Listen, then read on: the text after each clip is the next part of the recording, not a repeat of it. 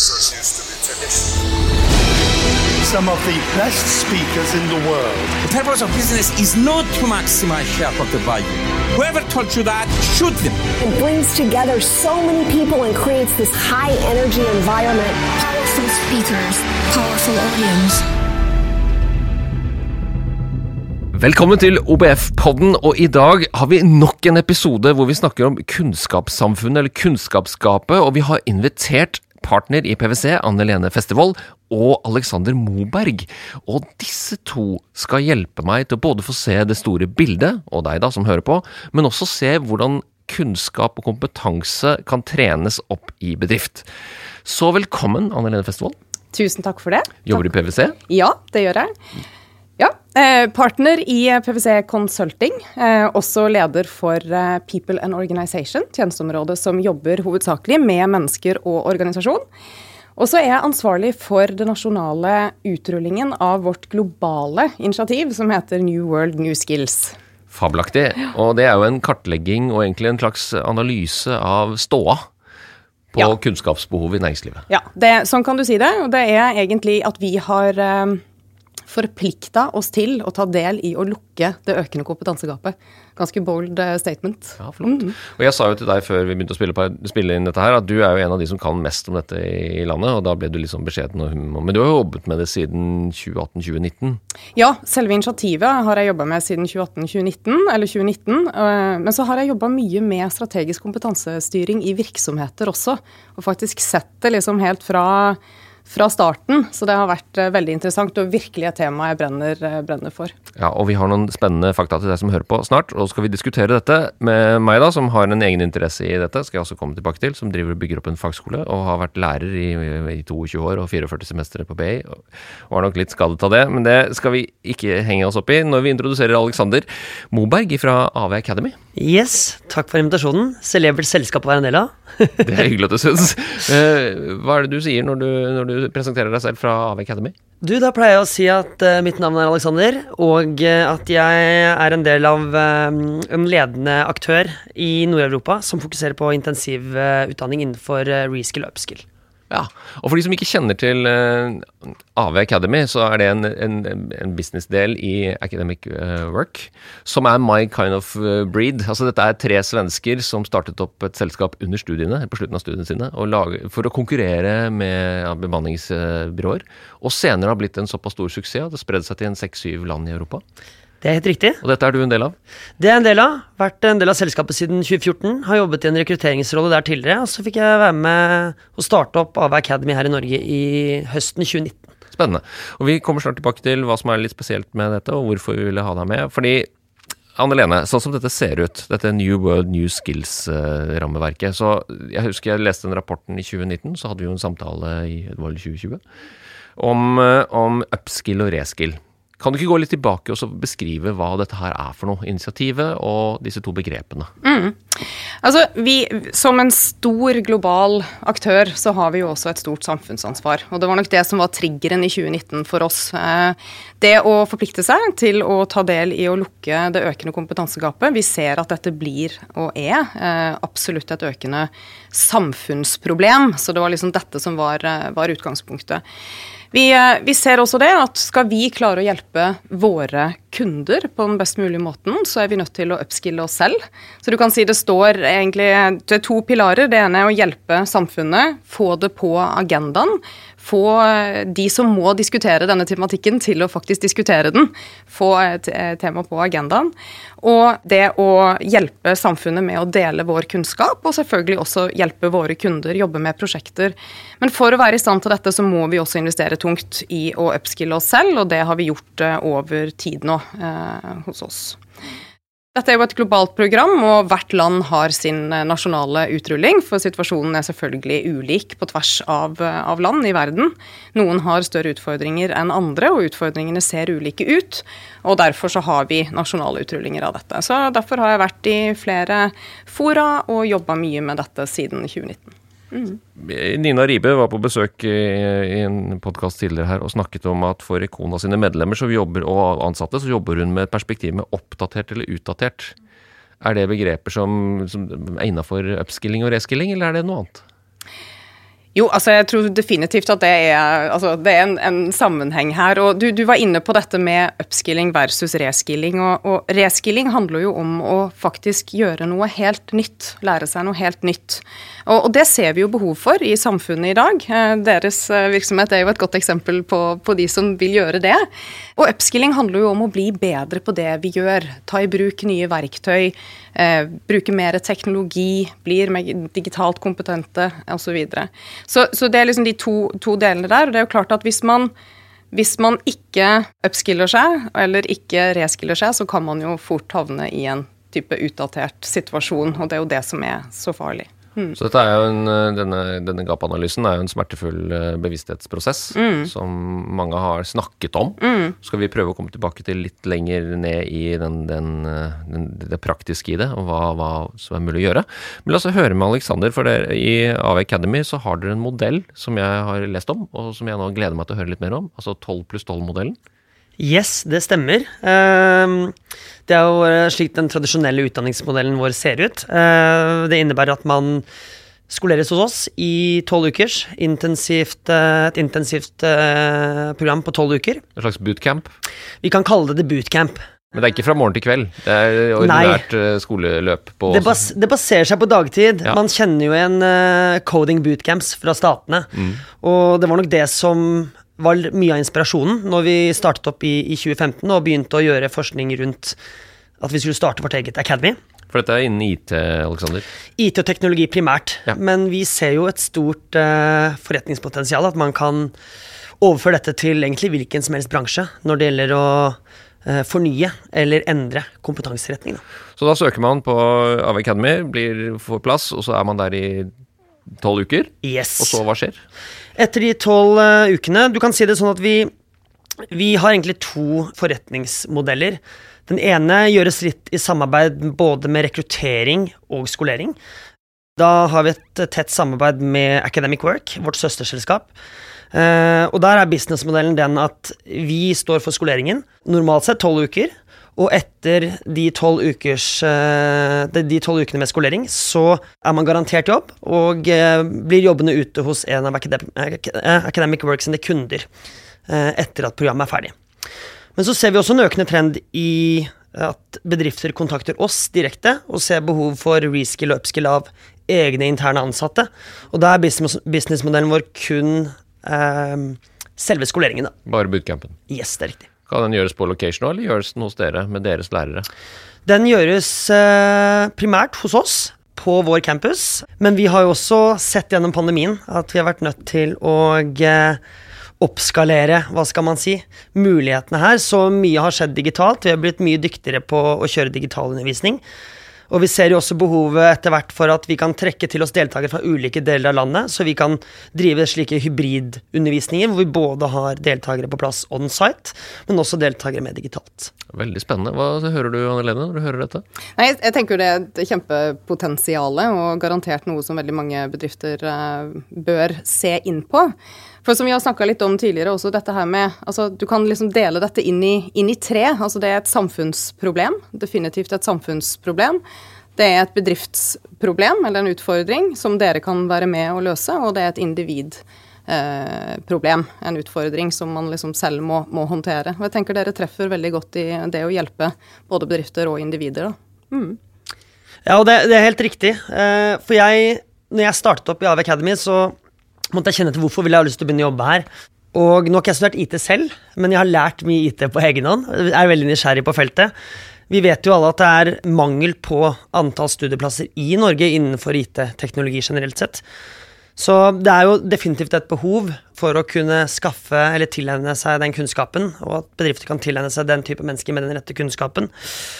Og så vet vi også det at eh, Kanskje man har vokst opp med å tenke at man studerer én gang, og så er man ferdigutdanna, og det er den kompetansen man har resten av livet. Men vi ser jo det at man kanskje er forventet at man skal skolere seg flere ganger gjennom et liv.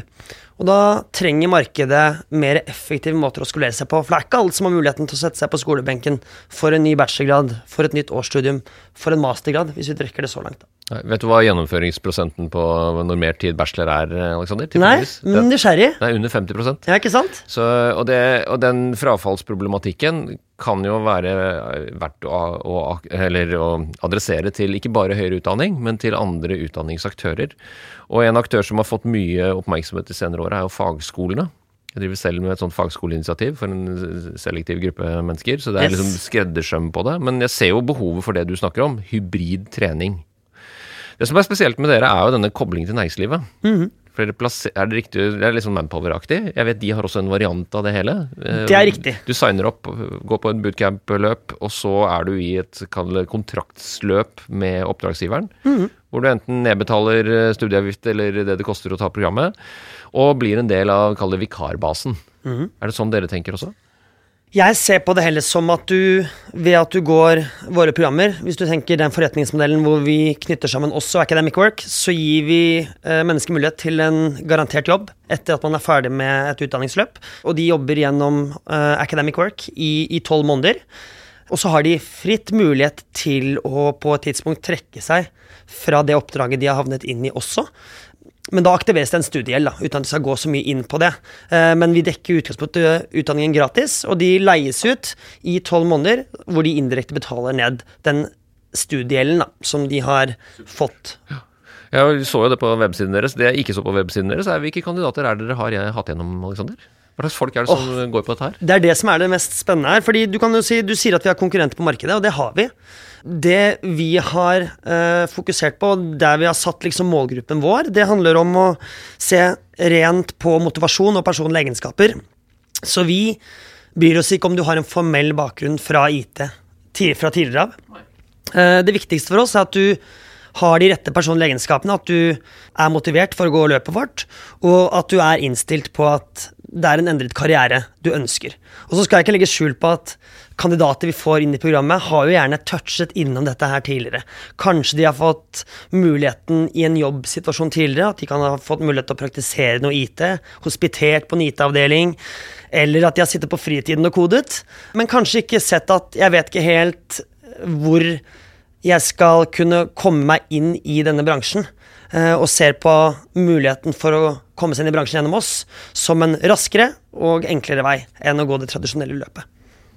Så han nevner motivasjon, og så egentlig litt sånn gjennomføringskraft. Er det det, klarer dere å fange opp det i analysen dere har gjort i de senere åra? I, i disse kompetansegap-analysene? Ja, altså det, vi, vi prøver jo å definere kompetanse litt bredere. Altså ikke bare denne tekniske kompetansen, men også den kognitive kompetansen. Ja, for nå var jeg inne på Ja. individ, ikke sant? Ja. Det- Alexander sier jo det. At du må ha de riktige mm. innstillingen og Ja. gjennomføringsevnen til å holde ut i tolv uker. Tolv uker er jo ikke så lenge. Nei. Men hvis ikke du hæler logikken til et eh, datamaskin og programmering, Mm. så det var kjekt å vite om det, men eh, å gjennomføre sånn utdanningsløp eh, Vet vi noe om hvem det er som, hva slags profil må til for å orke å reskille seg? Ikke sant. Altså, jeg tror uh, man kommer veldig langt hvis man har en, et ønske og en endringsvilje. Uh, man må være litt nysgjerrig. Eh, Ønske å, å lære seg noe nytt. Og det tror jeg er litt sånn grunnleggende for oss, eh, for oss alle sammen. Det blir viktig fremover. For det er helt umulig å si hva er det den og den industrien egentlig trenger av kompetanse, sånn helt ned på detaljnivå. Men man kommer veldig langt hvis man har de riktige holdningene. ikke sant? Så det handler om kognitive, eh, den kognitive kompetansen som man selv har. Men så er det jo selvfølgelig også mange bransjer hvor man har behov for den veldig sånn dyptgående tekniske, faglige kompetansen. Og så tror jeg ikke vi kommer unna at vi alle bør ha en viss digital forståelse i bunnen. Og her er det jo gjort studier. Kompetanse Norge tidligere gjorde en studie som viste at eh, det er faktisk 600 000 mennesker i Norge som mangler den basis digitale kompetansen. Og det er ganske graverende. Ja, ikke bare det, de faller jo utenfor veldig mange av de tjenestene som det offentlige tilbyr. Det Og også ting som du gjør at du kan orientere deg, inklusiv når du skal få fjerde boosterdose vaksine, f.eks. For, eksempel, for det er digitalisert. Så det, det er veldig bra at du bringer opp det. Og så vet jeg at i den siste kompetanserapporten, nå må du korrigere meg hvis det er riktig, for dette har jeg bare lastet ned og prøvd å se på. Flotte foiler for øvrig. Oransje og rødt. Eh, der var det 112 respondenter. Og, og det dere fant, var liksom, Overskriften der er at eh, kompetanserapporten sørger for at gjør man disse tingene her, så gir det økt innovasjon og akselererende digital transformasjon. Men så har dere gjort en, synes jeg, et veldig spennende funn. At det er jo ikke så mange som har satt dette i system. Nei, det er ikke det. Veldig få, faktisk. Ja, altfor alt for få. Og det det som var litt spennende, vi gjorde jo denne også midt i pandemien. Eh, gjorde vi også denne undersøkelsen. Og da var det jo en del som sa at jo da, de har kommet et godt stykke på vei. eh, i Blitt det veldig god på Teams. Da. Ja, ikke sant? Ja, ja. Men det å etablere eh, strukturerte programmer for kompetanseutvikling. Og det innebærer jo først å forstå hvilket gap er det vi har i bedriften. Altså hvor skal vi, hva er strategien vår, hva krever det av kompetanse? Hvilken kompetanse har vi i dag, hva er det gapet? Hvordan skal vi gå frem for å lukke det? Og ikke minst hvordan skal vi gå frem for å måle at det faktisk gir en verdi, det vi gjør. At vi har de rette, mest treffsikre sikre tiltakene. Eh, overraskende nok så dalte det tallet fra fjoråret til, eh, til i år på liksom antallet eller prosentandel som har kommet godt i gang med dette. Det, jeg tror nok det også handler litt om at man har tatt inn over seg hva dette faktisk krever. For det er ganske krevende prosesser man skal inn i når man virkelig satser på dette. Og gjennom pandemien så har vi sett et økt fokus, heldigvis, på problematikken. Og derfor har kanskje folk blitt mer bevisst på hva det faktisk innebærer. Så det tallet har gått litt ned. Så vi ser noen er i gang, eller de fleste er jo så 78 eller noe er jo i gang, men det er veldig få som har kommet godt i gang. Det som òg var veldig interessant med årets undersøkelse, var at vi testa dette med de, hvorvidt de bruker eh, data til å fatte beslutninger om dette. Og da var det faktisk bare 4% som sa at de gjorde det. Og det er uh, utrolig lavt. Overraskende lavt. Så skjønner jeg at det kan være vanskelig. Det krever eh, rett teknologi på plass, det, det krever de riktige prosessene internt. Men det var ganske overraskende. Men som for en utdanningsinstitusjon eller utdanningsaktør, og det, det, kan være, det kan være Alexander, og det kan være meg, og det kan være Handelshøyskolen BI eller universitetet for den saks skyld, så har vi masse data. Om, om, om både hva, hva studentene ønsker, og hva, sånn cirka hva samfunnet ønsker. Og så Vi vet jo hva de viktigste på en måte, Der hvor vi plasserer studentene, hva de ser etter. Så det å sammenstille de dataene, er det det som er vanskelig, da? Eller hva er det som gjør at så få gjør dette? Nei, jeg vet ikke. Altså data, jeg har tenkt en del på dette her, og kommet til at dataanalyse er jo en kompetanse i seg sjøl. Ja, det er den som mangler. Eh, så, så det å, å på en måte klare å, å, å bare gjøre det, er jo en utfordring i seg sjøl. Så tror jeg det handler om at det er krevende i en så uforutsigbar verden som vi lever i, og å faktisk si noe om hva trenger vi. Eh, Man er nødt til å ta noen bold moves, rett og slett, og virkelig tørre å satse på noe. Eh, Jeg tror det er krevende å få tid til det. Vi sier bare tolv uker, men tolv uker ut fra på en måte ja, fakturerbart arbeid eller inntjening, det er ganske mye. Ganske mye i løpet av et år. Eh, Så, så det er klart at eh, det er krevende å få eh, kanskje styre- og ledelsesbuy-in også for å sette i gang disse store programmene. Og hvis man ikke gjør disse kartleggingene, ikke har teknologien på plass for å hente inn data om kompetanse og kompetansegap og ikke vet hvor vi skal, så er det klart at da blir dataanalyse også eh, krevende. Ja, Veldig bra. Mm. Når du hører dette, Alexander, jeg vet ikke hvor, hvor mye dere bruker data for egen utviklingen av, av eh, verdiforslaget deres. Eh, Gjør dere det for øvrig? Vi gjør det til viss grad, men jeg, vi ser jo også behovet hvor, for at det blir viktigere og viktigere også. Ja, Det var sånn politikersvar. Ja. Du hørte det selv. ja, men Hvis man vil inn i B2B-markedet og går til store norske bedrifter og spør de med bakgrunn på PwC-rapporten, så er det stor sannsynlighet for at de ikke har en analyse av hva som trengs. Så kunne man jo brukt det som et sånt, om ikke nødvendigvis innsalg, men få en kopp kaffe og så finne ut hvor han er ståa.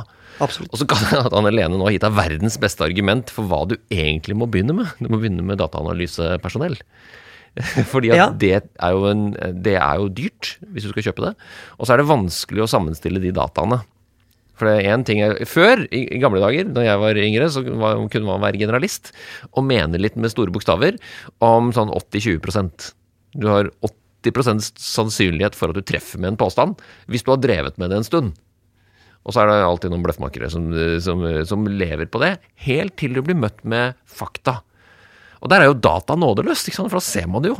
Og det, det kan jo være litt av svaret her, at det, veldig få har gjort det systematisk, for at man aner at virkeligheten ikke er sånn som man håper at det er.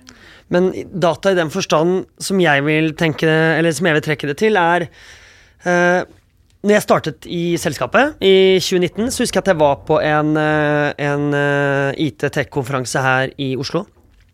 Hvor det var ledende bedrifter innenfor bransjen som, eh, som møttes og snakket om vi ønsker denne, denne, denne kunnskapen inn til vår virksomhet, men vi sliter med å rekruttere inn nok folk og riktig type mennesker. Og det mange løftet veldig høyt da, var at det er CV-ene vi ser på. Det er the hard facts. De harde data på et papir om hvor du har gått på skole og hvilke emner du har tatt. Og det overrasket meg litt av at det kom opp problemstillinger rundt Ok, men hvor, hvor, hvor, lett måler man om det er riktig person, ikke bare om de har den riktige fagkompetansen? Og da tenkte jeg at det ga meg så mye mer verdi hva vi driver med hos oss, da.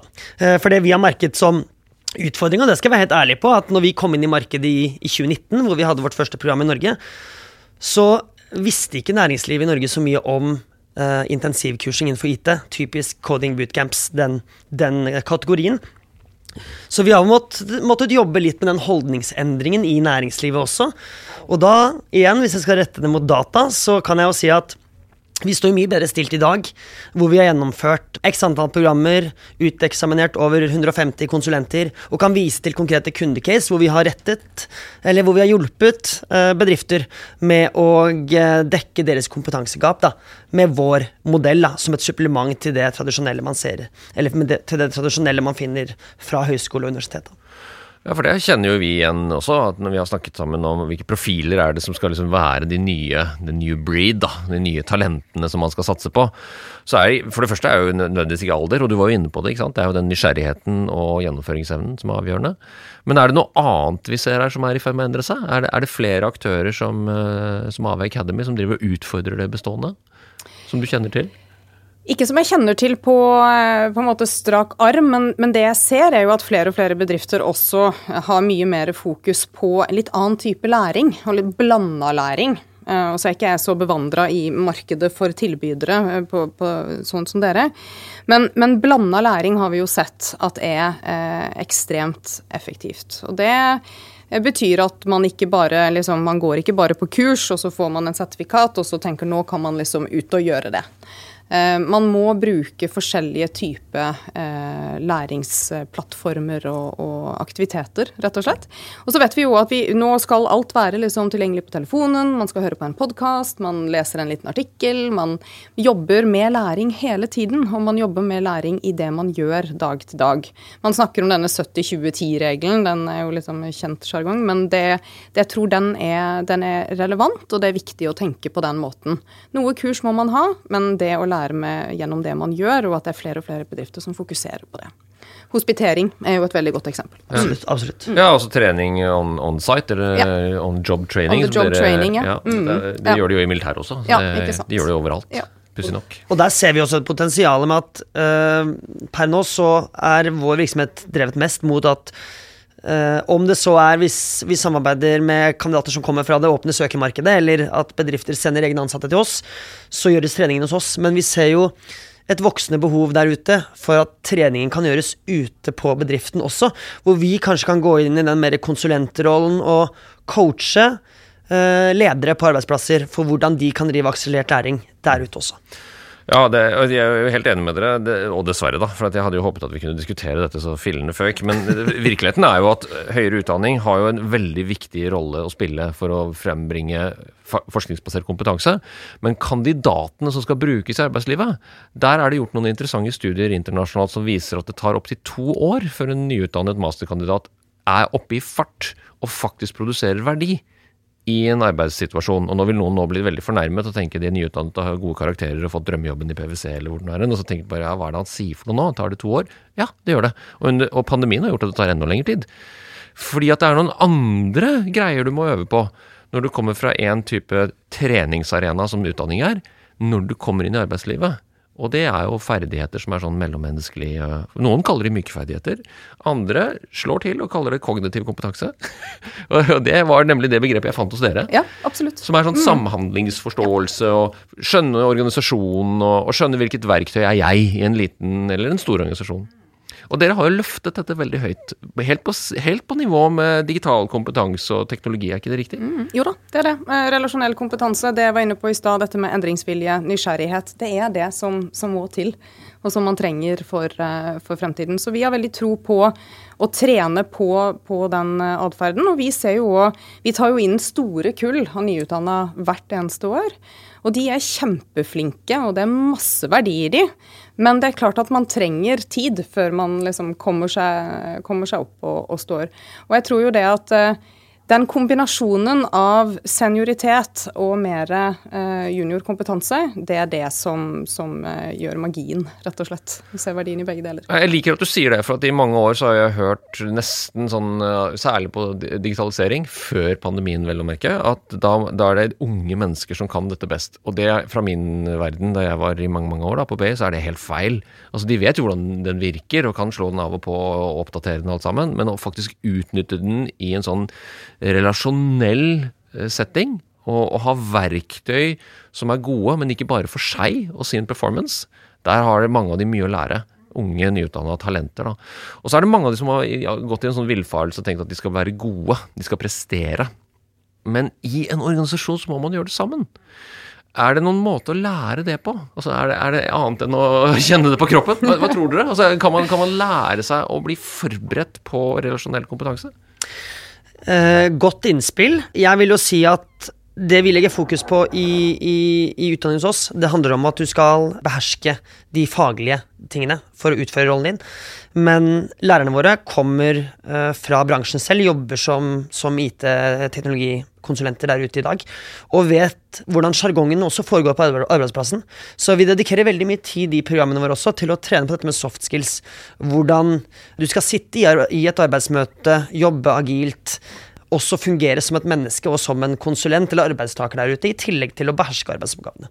Så det syns jeg er kjempeviktig, og jeg er veldig glad for at vi legger såpass mye tid på det da, i de programmene og de utdanningsløpene vi legger opp. Ja, Hvor mye gjør dere? Altså, hvor mye er hard skills, programmeringskunnskap, hvor mye er soft skill? Er det 80-20? Nei, jeg vil jo si det går litt 50 -50? sånn Jeg vil si det egentlig går litt sånn hånd i hånd, fordi uh, i den rene klasseromsundervisningen, som for øvrig er veldig sånn intensiv, kortfattet, så uh, blir det gjennomgått teori, men det blir jo fort at også underviseren deler av hvordan dette fungerer i praksis ute i den virkelige verden.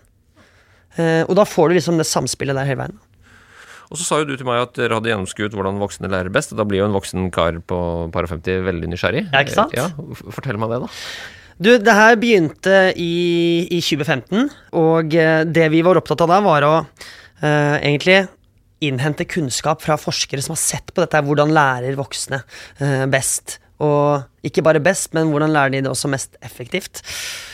Så vi satte sammen en pedagogisk plattform. Uh, uten at jeg skal gå for mye i dybden på det, syns jeg det er greit å trekke frem liksom hovedlinjene fra det. da. Jeg var litt inne på det for kort kort tid siden også. Akselert læring for oss det innebærer den miksen mellom å kombinere den delen av hjernen din som konsumerer, og den som på en måte produserer den kunnskapen man har fått tillært.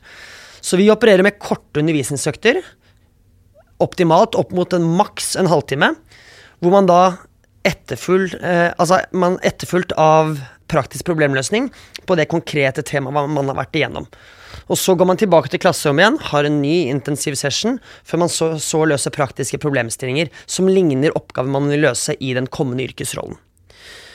Og det innebærer at man blir kastet litt ut på dypt vann hele tiden, mellom det å mestre og det å føle at man Dette her kan jeg ikke enda. Så det er en sånn miks vi vil ha. At man på det øyeblikket man tenker at ok, nå mestrer jeg det, nå kan jeg bare surfe litt på den bølgen, så kaster vi de ut i ukjent farvann igjen. Eh, og trigger den derre dette kan jeg ikke enda, men jeg vet at med den rette innsatsen, med de rette verktøyene og med de rette ressursene rundt meg, så vet jeg at jeg kan lykkes. Så det er noe av hovedpunktene i, i hvordan vi jobber, da. Ja, det, ja, ja. ja, dette korrelerer egentlig veldig. Jeg nevnte jo innledningsvis at vi har investert ganske mye i å trene oss sjøl. Uh, og et eksempel på det er noe vi har kalt uh, 'digitizing the network'. Yes. Og det minner veldig om den modellen du beskriver der, hvor vi har altså alle nivå i organisasjonen skal lære seg Alterix, som er et uh, data cleaning-verktøy, og Power BI. Og Det spiller ingen rolle hvilket nivå du er på. Gruppene settes sammen eh, på tvers av nivåene for å kombinere liksom, de yngre eh, og de mer senior. Eh, I det så lærer man jo mye om det relasjonelle. Man lærer seg hvordan man kan bruke dette ut hos kunde. Eh, korte seanser kombinert med eh, hjemmelæring, altså e-læringskurs. Eh, show and tell sessions, masse analytisk arbeid, gruppearbeid osv ganske så intensivt. Eh, kjempekrevende, syns jeg personlig. Eh, mange andre bare fløy gjennom det. Men jeg lærte så mye om hvordan disse verktøyene Ikke nødvendigvis sitte og gjøre det selv, men hvordan det kan brukes, da. Og hvordan det kan ha en verdi. Men det minner liksom løpet og måten vi gjorde det på. Eh, tydeligvis treffer veldig godt det du beskriver her, da. Så knekk en kode. Og en ting også å legge til også er jo når man sitter og jobber med praktiske oppgaver, eh, faktiske problemstillinger, så er jo menneskene vi har samlet sammen, de kommer fra vidt forskjellige bakgrunner. Det kan være en fysioterapeut, eh, det kan være en tidligere musiker, det kan være en miljøarbeider, dette er eksempler på profiler vi har hatt inne på programmet, eller en pilot, for den saks skyld, som angriper en problemstilling. Man skal angripe samme problemstillinger, men man ser på problemet på ulike måter og løser problemet på ulike måter, basert på sitt erfaringsgrunnlag. Og det ser vi jo at en, gir en vanvittig stor verdi i å faktisk vite har jeg forstått det, og hvordan har jeg forstått det. da. Jeg merker jo nå når jeg sitter og hører, står her og hører på dere, at dere er jo eh, ekstremt flinke til å snakke om denne, denne ja, entusiasmen, nærmest euforien om at vi skal lære oss nye ting. Og vi skal være nysgjerrige, og vi trenger å Og vi skal liksom gønne på å lære dette. Og det trenger vi jo, for vi må ha mer kunnskap. Men så er jo virkeligheten litt annerledes jeg, jeg, er helt sikker på at dere ikke har vasking av e-postlister og eh, kjøring av databaser og en masse e-poster som har gått feil, og en del ting som at uh, Anne Lene har misforstått det du faktisk mente, for at hun var på et dårlig sted når du sa den beskjeden. 70-80 av hverdagen, hverdagen vår består jo av ting som er ganske lite, verken innovativt eller nytenkende eller noe vi lærer noe av. Som er bare oppgaver. Og det har noen ganger fått meg til å tenke at kanskje noen ganger så vipper vi for mye inn i den der ideen om at å ja, må vi lære oss dette? Det er det kunnskapsskapet vi må tette. Og så handler det faktisk om å, å, å tåle den motstanden som ny kunnskap er, men også hvordan det er å jobbe med folk. Folk er egentlig ganske tilsynelatende De er jo folk. De er preget av, av det som bekymrer de der og da. Og noen ganger med litt sånn atferdsutfordringer. Er det noe som tyder på at det vi går fremover i nå Nå skal dere få lov til å utfordre dere skikkelig i New Skills, vet du. New, new, new, new World. Anne-Lene, ja. du først. Er det noe som tyder på at det finnes muligheter til å trene på det der, sånn at vi blir bedre sammen? Ikke bare skillsettene for å forstå altså, Plattformøkonomiene kommer jo, systemene kommer til å bare dette i huet på oss. Vi må bare håndtere de som, eh, som operatører. Vi kommer jo ikke til å lage de, men vi må bruke de. Men hvordan skal vi trene i det moderne arbeidssamfunnet, hvor veldig mye er digitalisert, den relasjonelle kompetansen? Det var et veldig uh, godt og stort spørsmål. Um, altså, Jeg er jo litt sånn at jeg tenker vi lærer i alt vi gjør hver eneste dag. Så selv om ja, det er operativt, ja, det er bare oppgaver, så når man ser tilbake på det, så har man lært. Mm, så refleksjon kaller læreren det. Ja, ja, ikke sant. Ja, sikkert fagbegrepet på det. Eh, så tenker jeg det at vi, vi, eh, vi, må rett og slett bare jobbe oss gjennom det. Man må ta tak i det. Man må eh, tåle at det er litt, litt, sånn som for min egen del. Det var litt ubehagelig å lære seg Altrix og, og Power BI, men jeg gikk gjennom det, og så har jeg lært det som er tilstrekkelig for meg i min rolle. Uh, og jeg tror det er bare måten man må liksom Og man blir jo, man blir jo dratt inn i det av en sånn uh, felles kraft òg, egentlig. Man, man, kan liksom ikke stå helt imot, uh, imot, det. Og så løser man det på sin måte. Alle finner sin plass, tror jeg. Men at det blir krevende, og at det er krevende, vi er midt oppi det, det er jeg helt sikker på. Men jeg har ikke liksom svaret på hvordan skal vi løse det. Men vi, vi, må jobbe sammen, rett og slett, og la oss inspirere av hverandre. Mm. Eh, mens Alexander svarer på det samme spørsmålet, mm. så tenk på hvilket råd du vil gi til eh, ledere og næringslivsfolk som, som strever med dette i hverdagen. Alexander, hvordan vil du svare på utfordringen min? Du, jeg vil eh, For min del så ser jeg på det som det man er ny på en arbeidsplass. Jeg kan også trekke det mot, mot utdanningsløpet vi gjør, men menneskene som vi har med i våre programmer, de kan være vant, har vært vant til å ha vært eksperter innenfor sine fagfelt. De har eh, aldri måttet tørre å spørre om hjelp. Eller ikke tørre, men de har aldri måttet behøve spørre om hjelp. Nei, det er eksperten. Ja. Ikke sant? Så det som et mindset vi forsøker å lære, er å se verdien av å tørre å spørre om hjelp når du står fast, men også tørre å dele av din kunnskap når det er noe du mestrer. For det er når du deler kunnskapen din, at du får vite har jeg forstått det jeg trodde jeg forsto. Så det er egentlig så konkret svar på det, som, slik jeg ser på det. Tørre å spørre om hjelp, men også tørre å dele av den kunnskapen du tror du sitter inne med. Tusen takk. Veldig bra svart. Svar som en ekte lærer, Aleksander. Eh, råd eller tips til ledere? Ja, nei, jeg har stått og tenkt litt nå når vi har snakka sammen. Og, eh, altså, jeg tror nøkkelen fremover er mangfold og mangfoldsledelse, rett og slett. Så jeg tror på en måte ledere i dag, meg sjøl inkludert, vi er nødt til å eh, lære oss verdien av å utnytte et større mangfold. Du reflekterte rundt det i stad. Dere setter sammen disse ulike med mm, totalt ulik bakgrunn. Og hvordan på en måte det kan drive frem innovasjon, hvordan det kan drive frem nytenkning, nye måter å løse problemene på. Og jeg tror at hvis man tør å ikke bare rekruttere mangfoldig, for det kan i hvert fall på papiret kanskje, nå kanskje eh, provoserer litt, men å rekruttere inn et mangfold er kanskje enkelt i teorien. Men det å inkludere det mangfoldet er mye, mye mer krevende hvis man er, jobber innenfor liksom, sin boks. Men det å klare å utnytte det mangfoldet i tiden fremover, inkludere det mangfoldet og ta inn over seg alle de ulike synspunktene, da tror jeg man også vil klare å løse den floken som du peker på, på en veldig mye bedre måte. Veldig bra svar. Du skal få slippe til, Aleksander. Jeg må bare kommentere på det. For det, noen må ikke Altså, mangfoldledelse er jo så mye. Det er jo nettopp den der uenigheten man må tåle. Men så er det jo fag og fakta som skal få lov til å komme med konklusjon, ikke rollen i organisasjonen. Og det er et sånn lite spark til hvordan ledelses utføres noen ganger. For det er ikke nødvendigvis fakta som ligger der som blir det ledende og toneangivende for strategi eller ressursfordelingen og alt sammen. Og dette vet jo vi en del om. Så, så jeg blir noen ganger jeg blir, jeg blir veldig glad når jeg hører om mangfoldsledelse. Det skal vi definitivt ta opp i denne podkasten.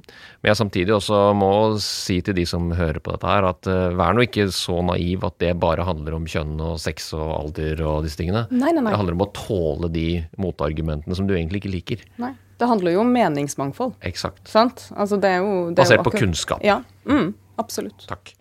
Eh, råd til ledere, Aleksander? Ja, jeg bare blir veldig engasjert av dette ordet mangfold, for det kan ses på på ulike måter. Det var veldig fint den anekdoten du kom med på slutten der. Eh, Men vi har vært veldig opptatt av å si fra dag én at det vi driver med, skal ikke være eh, en erstatning for tradisjonell utdanning, men det skal være et supplement.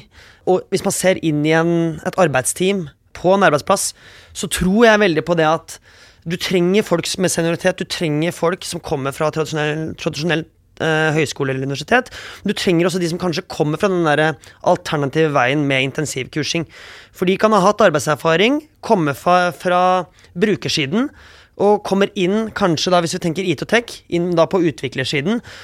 Og skal man som bedrift utvikle og skape en løsning som er den rette for fremtiden, så trenger man det mangfoldet, for, uh, slik at man angriper problemstilling på, like, nei, på ulike måter. Og at man kan stille de type ulike kritiske spørsmålene da, som er viktig at blir stilt. Helt strålende, veldig bra pitch på slutten der. Men alle har jo skjønt det, at de må, hvis de er litt nysgjerrige på dette, så må dere sjekke ut uh, AV Academy. og Academic Works sin da søsterorganisasjon, som du kalte det. Eller Yes. søsterbedrift.